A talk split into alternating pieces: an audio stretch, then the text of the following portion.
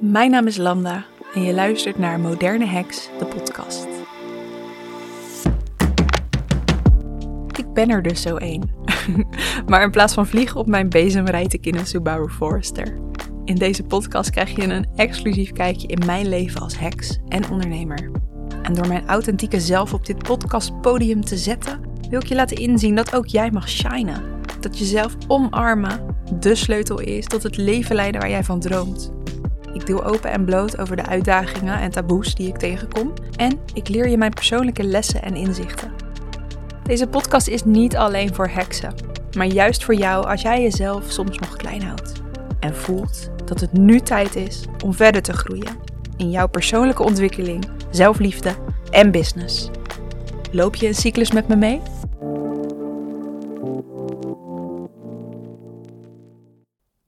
Ik weet het nog vaagjes. Ik was denk ik een jaar of twaalf. Het was donker en ik was net bij een vriendinnetje wezen spelen. En we waren daar met nog twee jongens, geloof ik. En ze brachten me naar huis, want ik woonde in uh, een dorpje wat bij per, Pernis, zou ik zeggen. Een dorpje wat bij Rotterdam hoort. En het heet dus Pernis. En um, ja, ze liepen me naar huis, omdat het toch wel veiliger was om dat met elkaar te doen. En ik weet nog zo goed dat ja, we waren een beetje into die verhalen vertellen aan elkaar van um, als je drie keer in de spiegel um, iets zegt, dan komt er een geest uit. Weet je wel, echt die, die enge verhalen die, die toch zo, waar je je tot aangetrokken voelde. Althans, dat had ik. Ik voelde me heel erg aangetrokken tot bovennatuurlijke verhalen. Uh, ik kom zelf uit een gezin waar dat helemaal niet van toepassing was. Een spiritualiteit en, en, en bovennatuurlijke dingen. Nee, als ik aan mijn vader vroeg, wat is er na de dood? Dan zegt hij nog steeds, helemaal niks. Er gebeurt helemaal niks na de dood. denk, nou ja, wat is niks? Daar kan je natuurlijk ook heel erg over filosoferen. Vind ik ook leuk om te doen. Maar um, nee, voor hem is het gewoon klaar dan. Helemaal, uh, ja, einde, finito. Dus um, dat was eigenlijk ook het antwoord als ik uh, eventueel over spirituele dingen begon te vragen. Dat was gewoon uh, onzin en uh, nee. Maar terug naar dat, dat, die, dat ik werd thuisgebracht. Ik vond het zo interessant, want die moeder van dat meisje, mijn vriendinnetje, en ik denk dat een jaar of twaalf was, hè, die vertelde dat ze ons echt op het hart wilde drukken om geen drugs te gaan gebruiken. En waarom ze dat misschien wilde zeggen op dat moment, geen idee. Ik denk misschien vanwege die jongens dat ze daar iets bij voelden. Um, nee, goed. Ze vertelde niet aan de drugs gaan. Want, want er zat ook nog een hele belangrijke wand bij. Want dan sta je meer open voor enge dingen. Zoals geesten en dergelijke. Dat is letterlijk wat ze zei. En voor mij was dat de allereerste keer dat er een volwassene eigenlijk erkende dat er meer was. En ja, ik vond dat gewoon reet interessant. Dus ik denk als ik echt terug mag denken aan hoe bij mij het begonnen is, mijn reis op het spirituele pad, of hoe je het ook maar wilt noemen, dan is dit denk ik wel een van de eerste herinneringen.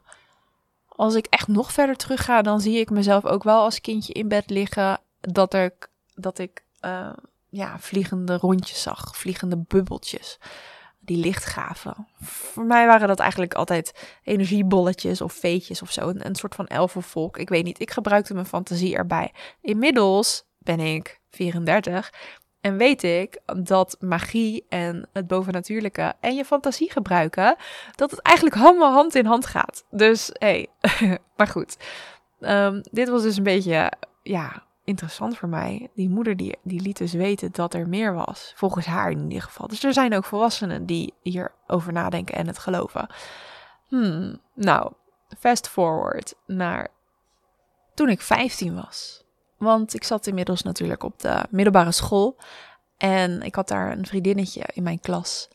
En um, ja, we waren echt wel vier handen op één buik. Of hoe, hoe zeg je dat? We waren heel close. We spraken ook wel eens s'avonds af. Bleef ik bij haar slapen en dan gingen we horrorfilms kijken. Echt enge films. Want zij had ook die interesse. Zij vond het boven natuurlijk ook interessant. En um, ja, dan zaten we daar lekker in haar bed. Met de deken over ons heen. Die enge films te kijken. Dat hebben we best wel een paar keer gedaan. En dan hadden we het er ook over. Over het bovennatuurlijke. En op een gegeven moment had zij dus een tarot set. Een tarotkaartenset.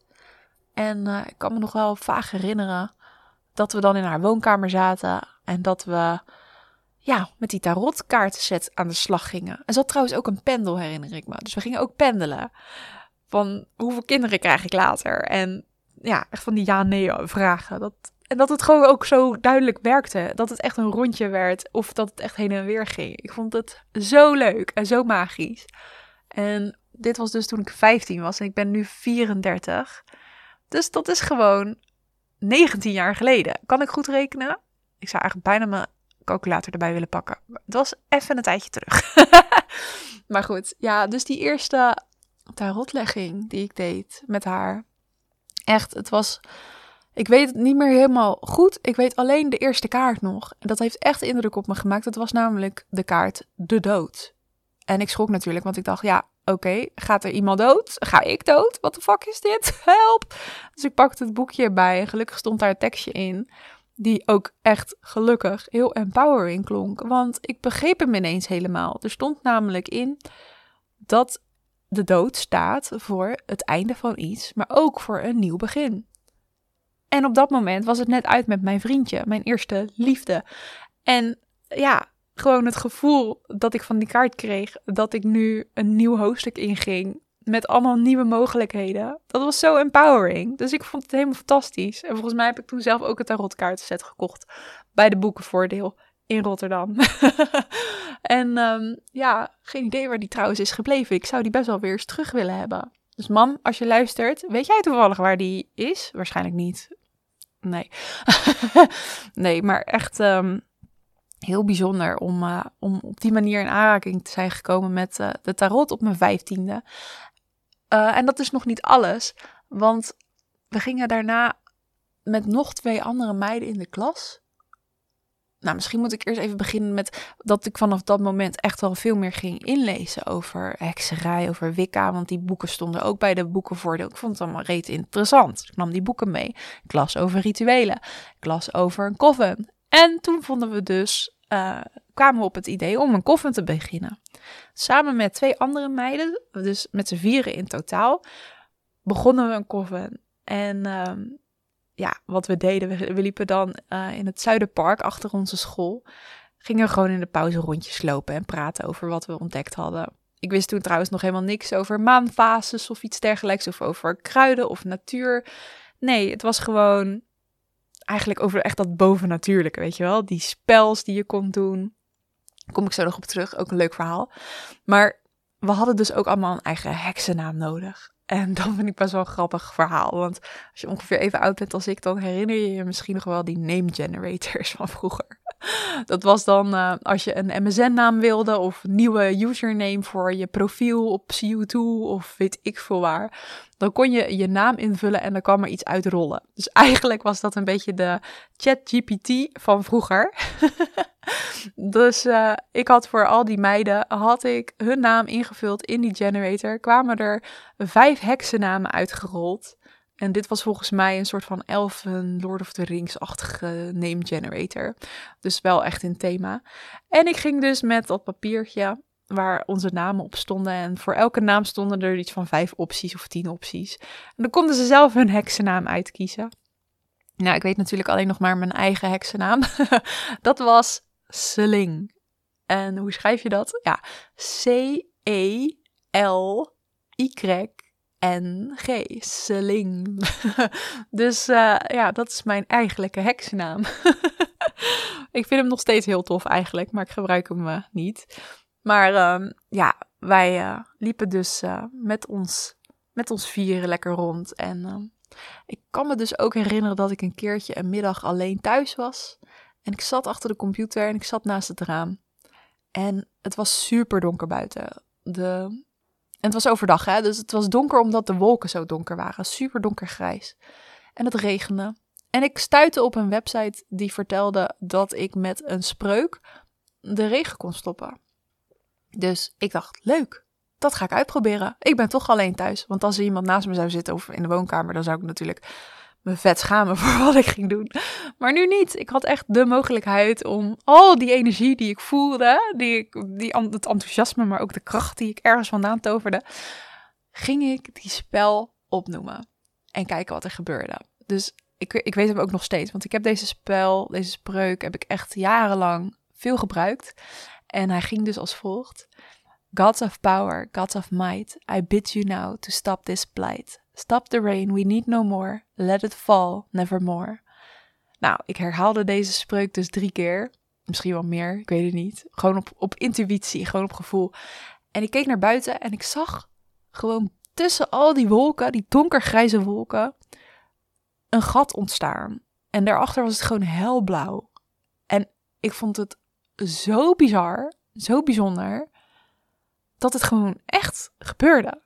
En ik ja, was natuurlijk alleen thuis. Dus ik had niemand met wie ik het kon, uh, zeg maar, een alibi had voor het resultaat. Maar ik denk dat het ook juist gebeurde omdat ik zo ongehecht was over de, over de uitkomst. Omdat, ja, nogmaals, ik kwam niet echt uit een spiritueel gezin. Dus dit was gewoon, ja, een uitprobeerseltje. We zien wel wat er gebeurt. Ik doe gewoon mijn best en ik kijk wel. En het is niet dat ik naïef was van, nou, dat gaat sowieso lukken. Maar ja, echt heel bijzonder om het op deze manier te hebben ervaren. Want ik heb dus met mijn vriendinnen, mijn heksenzusters, heb ik het ook geprobeerd op het schoolplein een keertje. Alleen volgens mij ging het toen wel echt veel harder regenen. Dus ja, het werkte niet altijd. Maar ja, ik fietste dus altijd van uh, Pernis naar Rotterdam-Zuid. 10 kilometer heen, 10 kilometer terug. In Nederland, het regent best wel vaak. dus ik heb die spel heel vaak gebruikt. En uh, ik wil niet zeggen dat die elke keer lukte. Maar vaak genoeg ook weer wel. Dus dat uh, is wel weer heel erg fijn. Ja, na de middelbare school ben ik eigenlijk mijn heks zijn uh, los gaan laten. Of in ieder geval heb ik het gewoon niet actief in mijn leven gehad. En uh, ja, dat is eigenlijk ook wat vaker gebeurd hoor. Bij heel veel andere heksen. Het leven neemt het eigenlijk een beetje over. Je krijgt het drukker met andere dingen. En ik kreeg ook andere interesses. Hè. Uitgaan vond ik tof. Uh, ook al vond ik het ook heel moeilijk.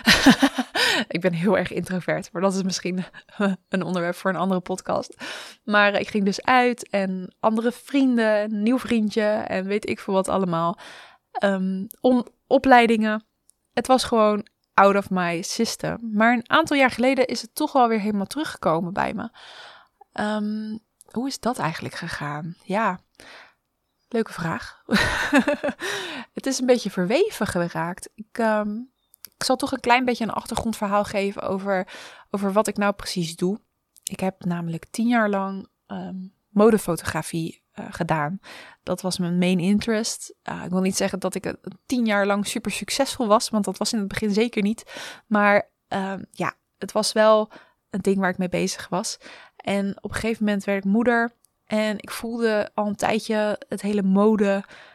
Ik voelde de mode niet meer. De labels interesseerden me eigenlijk nooit. Maar ik heb mezelf aangepraat dat dat belangrijk was of interessant vanwege de klasgenoten die ik had. Want ik zat op de kunstacademie en we deden lifestyle en design studeren. Dus we waren heel erg bezig met de labels en dergelijke, de grote labels. Maar ik vond het eigenlijk allemaal helemaal niet zo boeiend. Maar wat ik wel heb geleerd in dat wereldje is dat, ja, dat eigenlijk alle beelden gemanipuleerd worden. En ik was nooit echt een super dun of standaard mooi meisje, voor mijn gevoel zeker niet.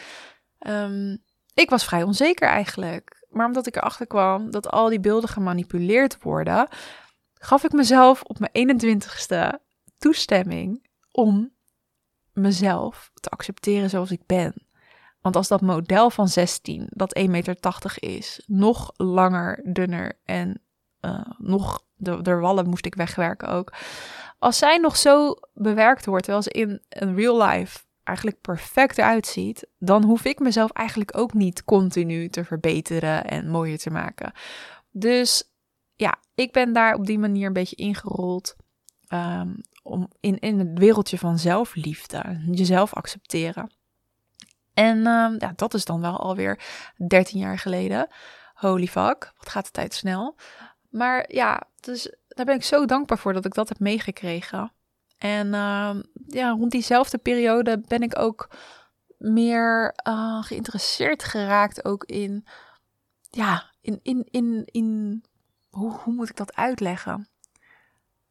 Ik denk dat het ook de eerste keer was dat ik met een groepje uh, truffels nam. En dat was echt zo interessant, omdat ja, je, je hele bewustzijn veranderd. En dat heeft bij mij zoveel uh, zaadjes geplant. Ja, want grappig is, ik ben een beetje aan het hakkelen en stamelen. Dit is gewoon echt een hele, hele eerlijke podcast. Ik heb geen zin om hem verder te editen. Maar eh, mijn ouders weten niet dat ik dit gedaan heb. En mijn vader is altijd heel erg anti-drugs. En in zijn ogen zijn truffels wellicht ook drugs. Ze weten inmiddels wel dat ik uh, ayahuasca heb gebruikt. Ehm, bijna twee jaar geleden. Oh my god, deze maand twee jaar geleden alweer. Holy shit, gaat snel. Uh, en dat ik ook uh, anderhalf jaar geleden een truffelceremonie heb bijgewoond. Dus ik ben er, ze weten het wel van dat ik dat nu af en toe doe. Maar niet dat ik dat al mijn 22ste heb gedaan. maar goed, dat was in die periode wel echt een grote invloed. Want ik heb toen echt ja, ontdekt dat er veel meer is dan deze werkelijkheid en deze uh, vorm van realiteit. Dus het bewustzijn werd letterlijk groter. Ik kreeg veel meer inzicht over, ja, over hoe dingen ook kunnen zijn. En uh, daar ben ik op voort gaan borduren. Heel veel filosoferen, heel veel informatie zoeken. Volgens mij volgde ik een tijdje lang zo'n psychonauten-account op Twitter. En die jongen die vertelde zoveel interessante dingen die ik ook had ervaren tijdens mijn reis op dat moment. Dus ja, weet je, dat, dat heeft echt wel bijgedragen ook aan mijn vorm van spiritualiteit uh, ontwikkeling. Als je het zo in een term moet noemen, moet gieten. Dus um, ja, daar is het, is. Het is echt al een lange reis van zeker 15 jaar. Waarin ik zo uh, ja, bezig ben met uh, bewustzijnsverruiming en, uh, en zelfliefde en zelfacceptatie. En ja, je pelt gewoon zoveel lagen af van conditioneringen. En nou goed, um, inmiddels laat ik even fast forward gaan naar vandaag de dag of nou, twee, twee jaar geleden. Ik was um, net verhuisd met mijn werkplek, want ik huurde eerst anti-kraak en dat ging er vandoor, dat ging weg. Dus ik wilde een nieuwe ruimte hebben waar ik mijn fotoshoots kan geven. Ik geef healing fotoshoots onder andere. En dan wil ik gewoon mijn uh, cliënt, mijn model die hier komt, lekker in de watten leggen. Dus ik heb een hele mooie plek, daar zit ik ook nu, waarin ik gewoon uh, echt heel erg kan chillen. Maar het staat ook echt vol met mooie mooie spullen die allemaal wat betekenen voor mij. Veel planten. Nou goed, ik dwaal een beetje af, maar ik kwam hier dus uh, en we hadden een kennismakingsbarbecue met alle nieuwe uh, mensen. Want dit pand is helemaal gerenoveerd en um, ja, dus het was eigenlijk een kennismaking voor alle nieuwe huurders die erin uh, zitten. En dan sta je dus op zo'n beetje corporate-achtige barbecue achter het pand op een grasveldje aan een zijtak van de Maas. Dus wel een leuke omgeving, ook al is het heel industrieel. En um, ja, ik, ik eet ook geen vlees, weet je. Dus ik was al een beetje een vreemde eten in de bijt. En uh, dan ga je die standaard vragen krijgen. hey, en wat doe jij? Uh, jij bent Lambda Penders. Oké, wat doe jij? En in plaats van dat ik zin had om uit te leggen wat ik allemaal doe, dacht ik gewoon elke keer: ik zeg gewoon, ik ben een heks. En dat heb ik gedaan. En weet je, de reacties die ik kreeg waren zo normaal. Echt, ja, naast mij, mijn directe buren, zij doen iets met computers. Sorry, uh, buren, als jullie luisteren. Ik weet eigenlijk niet zo heel goed wat jullie doen of hoe ik het moet uitleggen. maar die man, die vertelde mij dat hij vroeger ook wel eens rijkje had gekregen. Of misschien zelf uh, is ingewijd, dat weet ik niet. En wow, ik zie nu letterlijk, ik kijk naar buiten, ik zie gewoon een regenboogflare. Ik raak ook de microfoon aan. In de weerspiegeling van het Nou, dit is even een magisch momentje. Dit is leuk. Zo'n uh, zo'n bijzon zie ik. Ik zie gewoon een regenboog nu. Nou, leuk. Ik ga verder. Dit is uh, een teken dat ik op het goede pad zit, misschien. nee, leuk. Het, het, bleek dus gewoon. Ik werd gewoon volledig normaal gevonden. In, in dat ik zei van ja, ik ben een heks. En uh, mensen vroegen dan wel door van ja, wat doe je dan precies? Dus ik vertel ja, ik ben spiritueel fotograaf en ik combineer hekserij en, en, en ja, zelfliefde. En ik heb een achtergrond in modefotografie. En dat werd gewoon zo normaal gevonden. Dus ja, voor mij is het ook gewoon heel normaal om daarvoor uit te komen op dit moment. Ik uh, kan me ook wel voorstellen dat, dat sommige mensen dan vragen: wat is dan een heks? Waarom noem je jezelf dan ook een heks? Want leuk dat je dan zo'n uh, ja, dat je op je vijftiende uh, als, als, als, als jonge, jong kind of tiener zijnde dat soort ervaringen hebt gehad. Maar ja, hoe, hoe zet je dat dan nu in? En waarom ja, we kennen allemaal natuurlijk het imago van de heks. Dat hoef ik je niet uit te gaan leggen. Uh, denk alleen maar aan uh, hoe Sneeuwwitje uh, door de boze stiefmoeder die ineens in een heks verandert. Dat is gewoon het imago dat is neergezet. En dat heeft ook een reden. Um, en daar zitten ook voor- en nadelen aan. Maar wat is een heks nou eigenlijk? Ja, in mijn optiek is een heks iemand die, en dat kan dus een man of een vrouw zijn, hè, of iets anders, een uh, non-binair persoon. Ik ben daar heel erg uh, open-minded in. Ik heb daar echt geen oordeel over. Ik weet dat in het uh, wappie-wereldje daar wel af en toe lelijk over wordt gesproken, maar eerlijk, ik heb gewoon liefde en acceptatie daarvoor. Dus dat bij deze. nee, maar een heks is in mijn ogen gewoon iemand die heel erg bewust is van de wijsheid van de natuur. Omdat de natuur om ons heen eigenlijk is het stom dat we zeggen om ons heen, want we zitten, we zijn natuur, we zitten er eigenlijk in. Wat wij hebben gecreëerd, die doosjes waar we in zitten, genaamd huis, waar ik nu ook in zit, een afscherming. Maar is het echt een afscherming of hoort het ook weer bij de natuur? Ja, daar kan ik echt uren over filosoferen.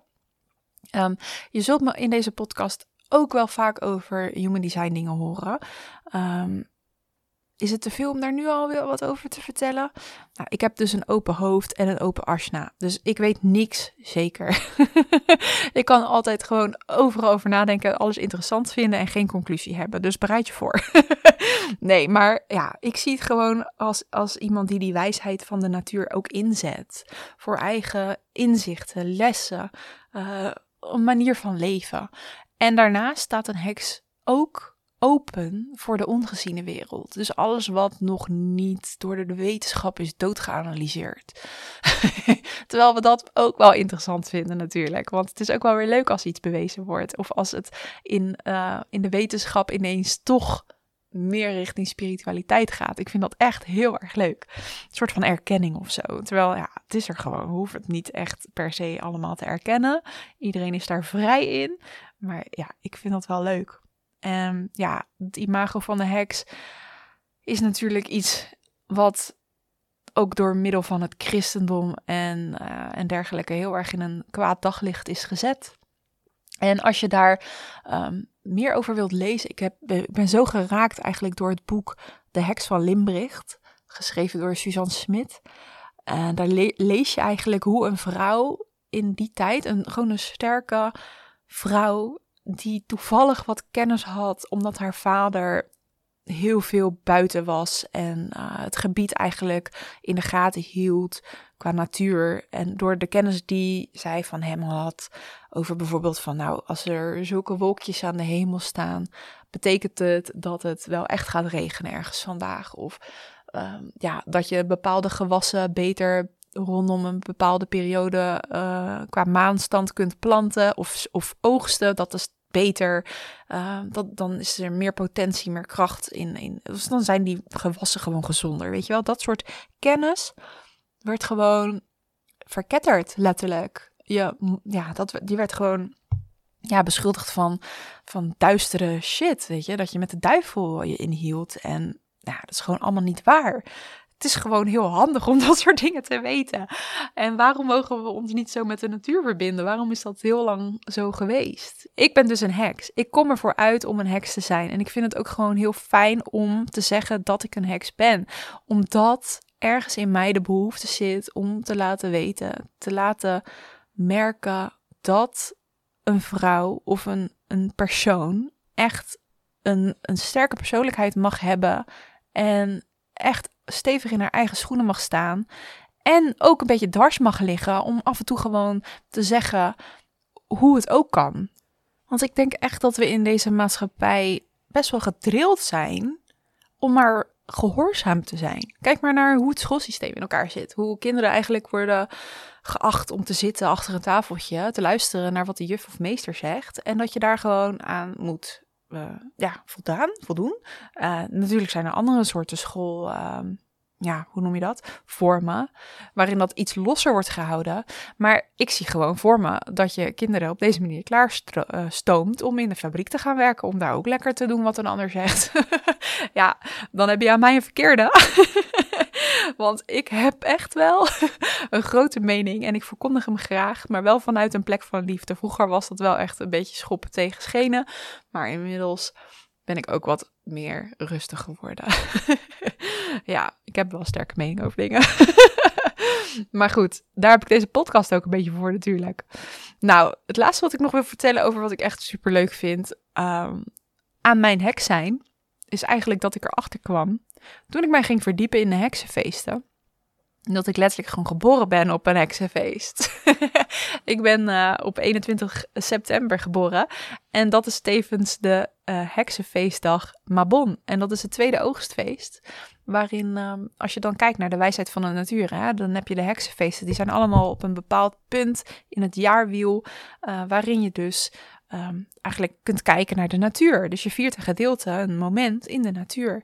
En Mabon is het tweede oogstfeest waarin je dus uh, ziet dat boeren um, in de tijd van toen de landbouw kwam, ja, de laatste oogsten naar binnen gingen halen voor de donkere periode. Want de donkere periode die begint um, ja, die begint uh, met Mabon, want dat is de herfstequinox. Dus op dat moment zijn de dag en de nacht even lang, allebei 12 uur.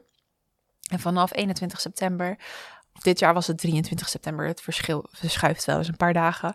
Maar dan worden dus de donkere, uh, de donkere dagen, de uurtjes dat het donker is, worden weer meer dan dat het licht is op een dag. Dus dat merken we nu ook wel weer. Rond 8 uur is het alweer donker.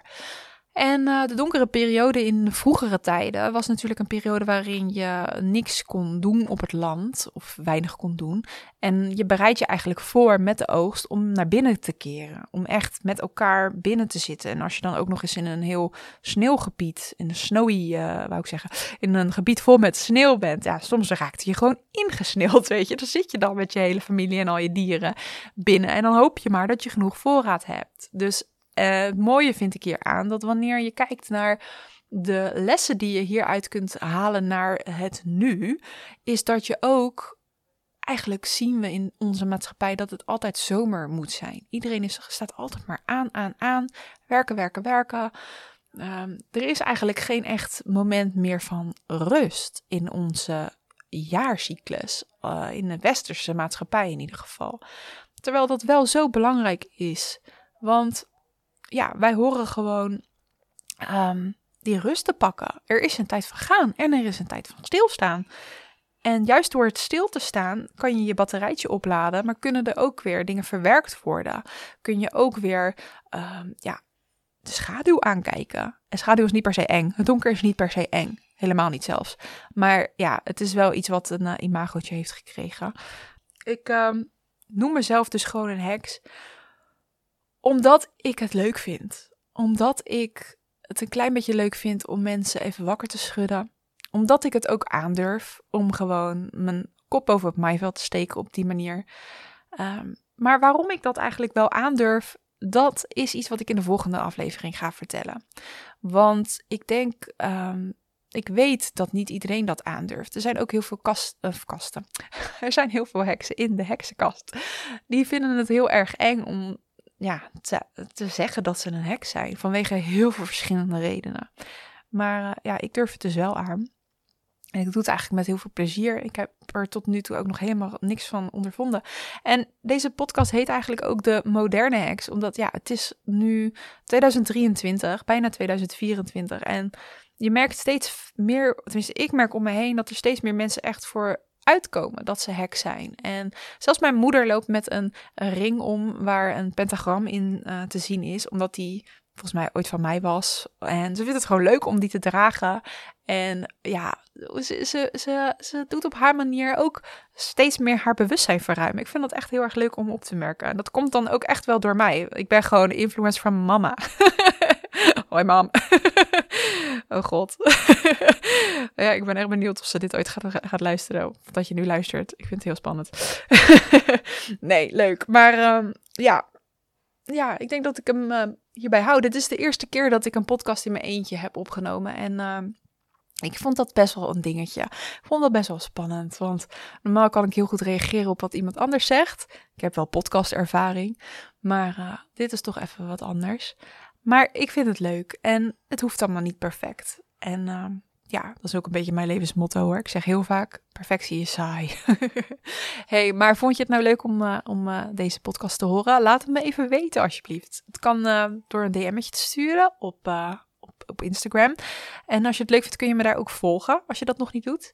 Mijn Instagram-account is apenstaartje Landa Penders. That's it. dus ja, lijkt me hartstikke leuk. en oh ja, ik heb natuurlijk een nieuwe podcast. Dus als je zin hebt, wil je me vijf sterren geven. dat klonk een beetje kinderachtig, maar ik ga het niet opnieuw doen. Alsjeblieft.